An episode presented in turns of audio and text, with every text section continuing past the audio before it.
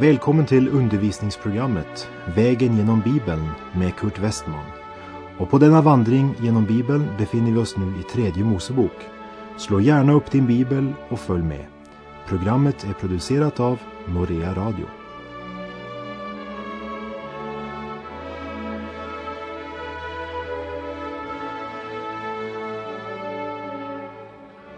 I förra programmet så såg vi på de åtta första verserna i tredje Mosebok 13 och vi såg på spetälskan som en illustration och bild av synden och köttet, det vill säga vår gamla natur.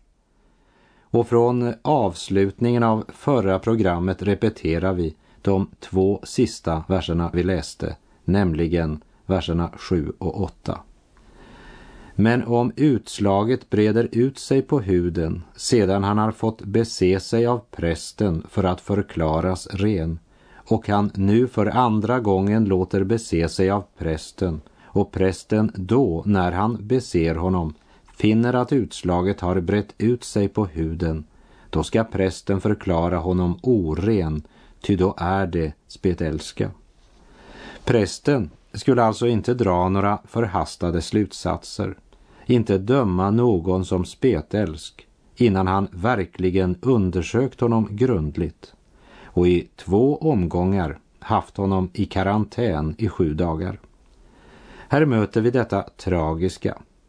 Det är nu tredje undersökningen som prästen gör och efter de instruktioner Guds lag ger så kan inte prästen göra annat än fälla domen. Du är spetälsk. Och här är det viktigt att komma ihåg, det är inte sanningen som är offrets olycka, men det är sjukdomen som är problemet. Kanske hade han under karantäntiden hoppats att det skulle ordna sig till sist. Men nu var karantäntiden slut. Nu hade ögonblicket kommit då domen skulle falla. Och domen löd spetälsk. Vilken fruktansvärd dom. Han är nu utestängd från gemenskapen. Se det här i motsats till en som först suttit i karantän i sju dagar. Men efter undersökningen kom han inte till visshet. Prästen isolerar honom ytterligare sju dagar. All denna ovisshet, ångesten och alla tankarna. Tänk om det är spetälska. Ja, det, det är nog det. Hoppet är ute när han som en slagen man träder fram för prästen för att bedömas och få sin dom. Han förväntar att få höra spetälsk, oren, gå bort. Och så säger prästen, jag förklarar dig härmed för ren. Och det kan jag garantera dig. Den mannen, han levde inte som en spetälsk från och med den dagen. Det är synden som är problemet. Och den som av förtvivlan över sin synd och skuld drivits till överste prästen Jesus Kristus och av honom förklarats för förlåten och renad, han lever ett nytt liv. Men andra åter upplevde en viss kristen miljö som trygg och trevlig och därför hade man bestämt sig för att vara kristen. Och de kan klara inspektionen en viss tid men syndens mörka sjukdom kommer att bryta igenom ytan och dess fruktansvärda symptom uppenbara att de inte blivit renade. Johannes talar om detta i Johannes första brev kapitel 2, verserna 19 och 20. Det har utgått från oss, men hörde aldrig till oss. Ty om det hade hört till oss hade det stannat hos oss, men det skulle avslöjas att ingen av dem hör till oss. Ni däremot har blivit smorda av den helige och känner alla sanningen.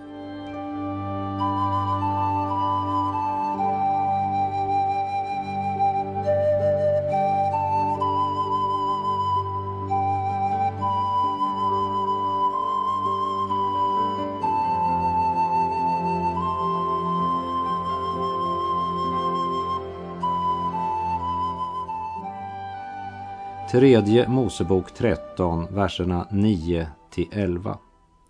När någon blir angripen av spetälska ska han föras till prästen och om då prästen när han beser honom finner en vit upphöjning på huden och ser att håret där har vitnat och att svallkött bildar sig i upphöjningen så är det gammal spetälska på hans kroppshud och prästen ska förklara honom oren.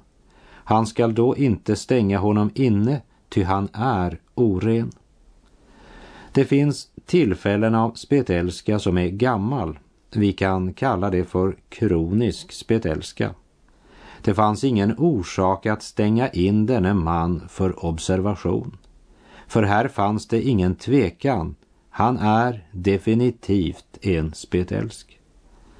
Det finns människor vars samveten är förhärdade och deras liv ligger så djupt i synden att också deras vänner kallar dem fallna. Mördare, tjuvar, alkoholister, narkotikaslavar. Dessa människor är syndens slavar och endast en gudomlig förvandling och förlossning kan rädda dem. Men den välpolerade, smarte och smidige församlingsmedlemmen som inte är född på nytt, han kan inte se att han är spetälsk. Han kan inte acceptera att bli kallad för en förlorad syndare. Den grove och djupt fallne syndaren är lättare att nå och är mera öppen för evangeliets budskap. Han vet att han är spetälsk verserna 12 till 17. Men om spetälskan så har brutit ut på huden att på den angripne hela huden från huvud till fötter överallt där prästen ser är täckt av spetälska. Och prästen alltså, när han beser honom, finner att spetälska täcker hela hans kropp, så ska han förklara den angripne ren. Hela hans kropp har blivit vit, han är ren. Men så snart svallkött visar sig på honom är han oren. När prästen ser svallköttet ska han förklara honom oren. Svallköttet är orent, det är spetälska. Men om svallköttet förändrar sig och stället blir vitt så ska han komma till prästen. Om då prästen när han beser honom finner att det angripna stället har blivit vitt så ska prästen förklara den angripne ren. Han är då ren. Här beskrivs en annan sida av gammal spetälska. Även om hela kroppen var täckt av sjukdomen betydde det inte nödvändigtvis att det var hopplöst. Det anmärkningsvärda här är att om hela hans kropp har blivit vit så ska patienten förklaras för ren. Det skulle säga oss idag att det är ingen som har fallit så djupt att inte Jesus kan rena. Ingen syndare är ett hopplöst fall. Ingen som kommer till Jesus med sin synd blir kastad ut. Det finns hopp för dig. Jesus är ditt och mitt hopp. Den som förkastar Jesus förkastar därmed också sitt enda hopp. Vi lägger märke till att spetälskans sanna symptom och kännemärke är nakna bara köttet. Bibeln har en hel del att säga om köttet, också om köttet så som det framträder i den troendes liv. I Första Mosebok 6.12 och Gud såg att jorden var fördärvad eftersom allt kött vandrade i fördärv på jorden. Och Johannes kapitel 6, vers 63. Det är anden som ger liv Köttet är till ingen hjälp. Det ord jag har talat till er är ande och liv. Och från Romarbrevet 7, vers 18. Jag vet att det inte bor något gott i mig, det vill säga i min kötsliga natur. Viljan finns hos mig, men inte förmågan att göra det som är gott. Och i första Korinthierbrevet 15.50. Men det vill jag ha sagt, bröder, kött och blod kan inte ärva Guds rike och det förgängliga kan inte ärva oförgänglighet. Och vi skulle kunna citera många flera ställen, men det är nog för att vi ska förstå att köttet är vår gamla natur som blev dömd till döden på korset. När köttet manifesteras och styr den troende måste Gud döma det. Köttet kan aldrig behaga Gud.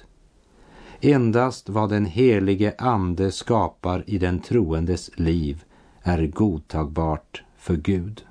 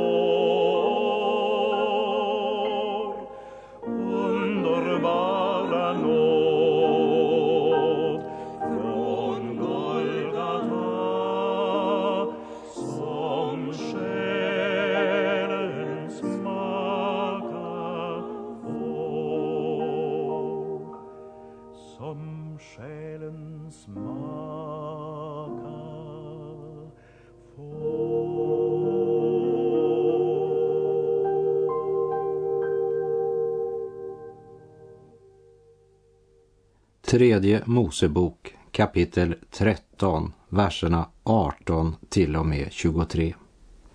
När någon på sin kroppshud har haft en bulnad som blivit läkt, men sedan på det ställe där bulnaden var en vit upphöjning eller en rödvit fläck visar sig, så ska han låta bese sig av prästen om då prästen när han beser honom finner att stället visar sig lägre än den övriga huden och att håret på det har vitnat, så ska prästen förklara honom oren.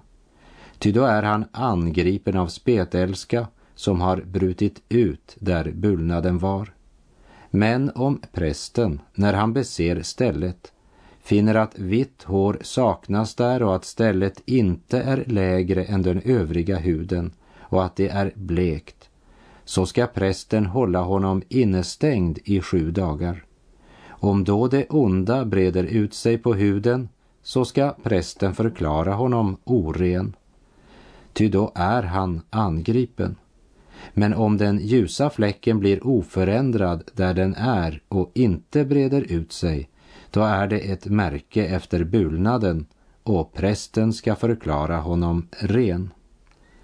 Här ges instruktioner för undersökning av en bulnad. Prästen skulle undersöka den då det möjligen kunde vara början på spetälska. Och tillvägagångssättet var detsamma som vid nya tillfällen av spetälska. Sju dagars undersökning skulle ge prästen tid att avgöra i vilken riktning bölden utvecklade sig. Det är alltid en risk att gamla synder får spridning och blir elakartade. Ofta kan en nyomvänd vittna om befrielse och förlossning från onda vanor och synder och sedan, år senare, kan den gamla bölden bryta ut igen. Det sker ibland. Den person som gör denna erfarenhet kan ha varit ofrälst hela tiden men haft sin motivation i aktiviteter och uppmärksamhet. Men han kan också verkligen ha varit frälst och född på nytt. Men det gamla köttet har fått näring och frihet igen. En grundlig undersökning borde göras och ingen flyktig eller förhastad dom bör uttalas. Jag har sett gamla drogmissbrukare få återfall men bli uppresta på nytt igen. Evangeliet ursäktar aldrig synden. Evangeliet ser inte mellan fingrarna. Och skriften kallar synd för synd.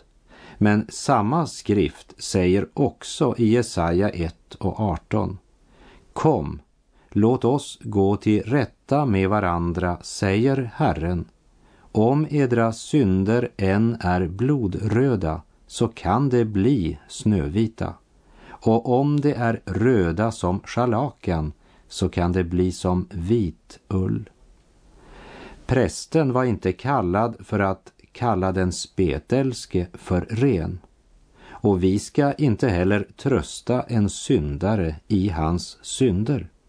Vi ska noggrant undersöka saken och så låta den spetälske veta att hans spetälska kan botas. Han har en frälsare.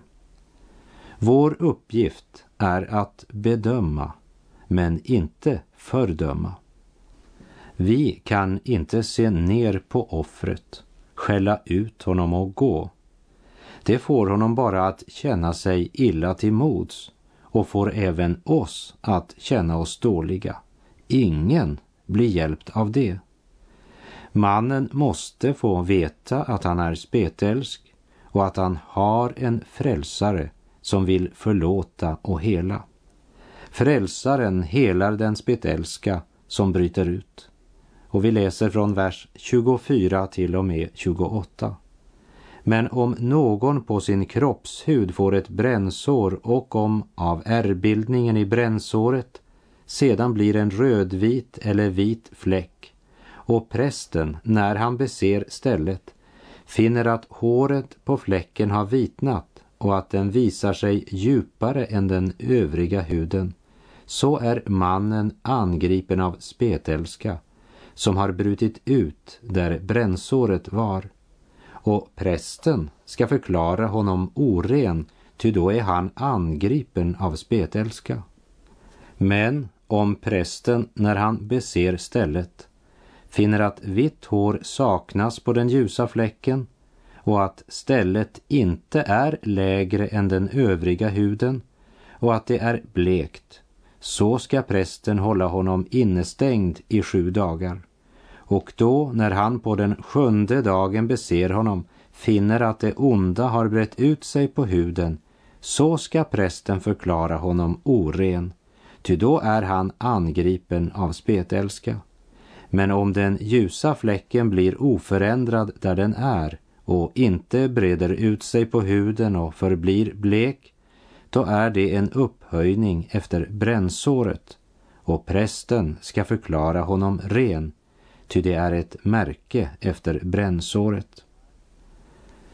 Här beskrivs spetälska som uppstått på grund av brännsår. Det skiljs mellan R efter ett brännsår och sådant som utvecklat sig till spetälska.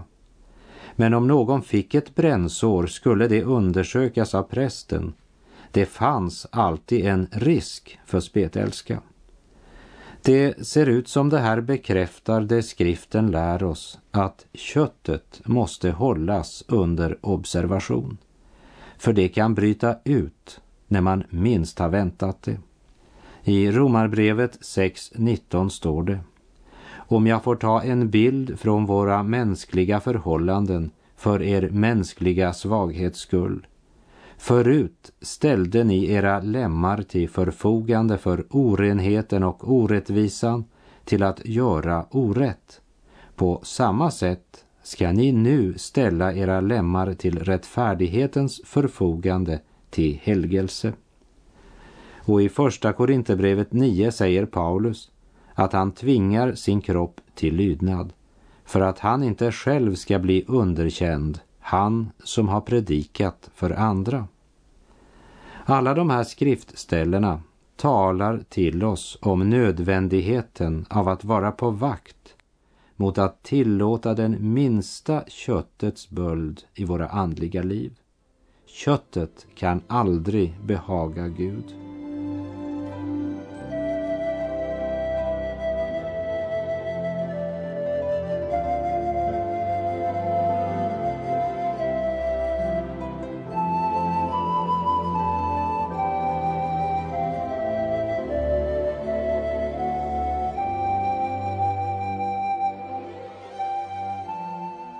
Tredje Mosebok 13, 29-30. När på en man eller kvinna något ställe på huvudet eller på hakan blir angripet och prästen då han beser det angripna stället finner att det visar sig djupare än den övriga huden och att gulaktigt, tunt hår finns där, så ska prästen förklara den angripne oren, ty då är det spetälskeskorv huvud eller hakspetälska. Spetälska kunde bryta ut på de mest oväntade ställen. Den var dold i håret på huvudet eller i skägget och det kunde gå lång tid innan det blev upptäckt. Därför skulle speciellt dessa områden undersökas. Ibland kan synd nästla in sig i de ledande ställningar i kyrka och församling i ett möte med söndagsskollärare eller i ett styrelsesammanträde eller ett missionsmöte. Och det försvagar församlingen av troende och gör dem kraftlösa och förvränger hela troslivet när synden får nästla sig in i huvudet, det vill säga bland dem som har ledande ansvar. För då sker det som Herren talade genom profeten Jeremia i kapitel 50, vers 6. En vilsekommen jord var mitt folk. Deras herdar hade fört dem vilse och lät dem irra omkring på bergen. Så strövade de från berg till höjd och glömde sin rätta lägerplats. De glömde sin viloplats, står det i norsk bibel. Men också här måste det bedömas med visdom och ödmjukhet och inte dras några förhastade slutsatser. Men det är områden som är verkligen viktiga att regelbundet undersöka, pröva i förhållande till Guds ord. I Apostlagärningarna 17.11 står det om judarna i Berea att judarna där var mera vidsynta än de i Thessalonike. De tog emot ordet med stor beredvillighet och forskade dagligen i skrifterna för att se om allt detta stämde. Så följer nu verserna 31 till 37 här i tredje Mosebok 13 som talar om att även om det var ställen som var angripna av skorv så var det inte därmed säkert att det var spetälska. På nytt krävs av prästen att han ska ta sig tid och granska saken innan han handlar och uttalar sig. Först sju dagar och om nödvändigt ytterligare sju dagar.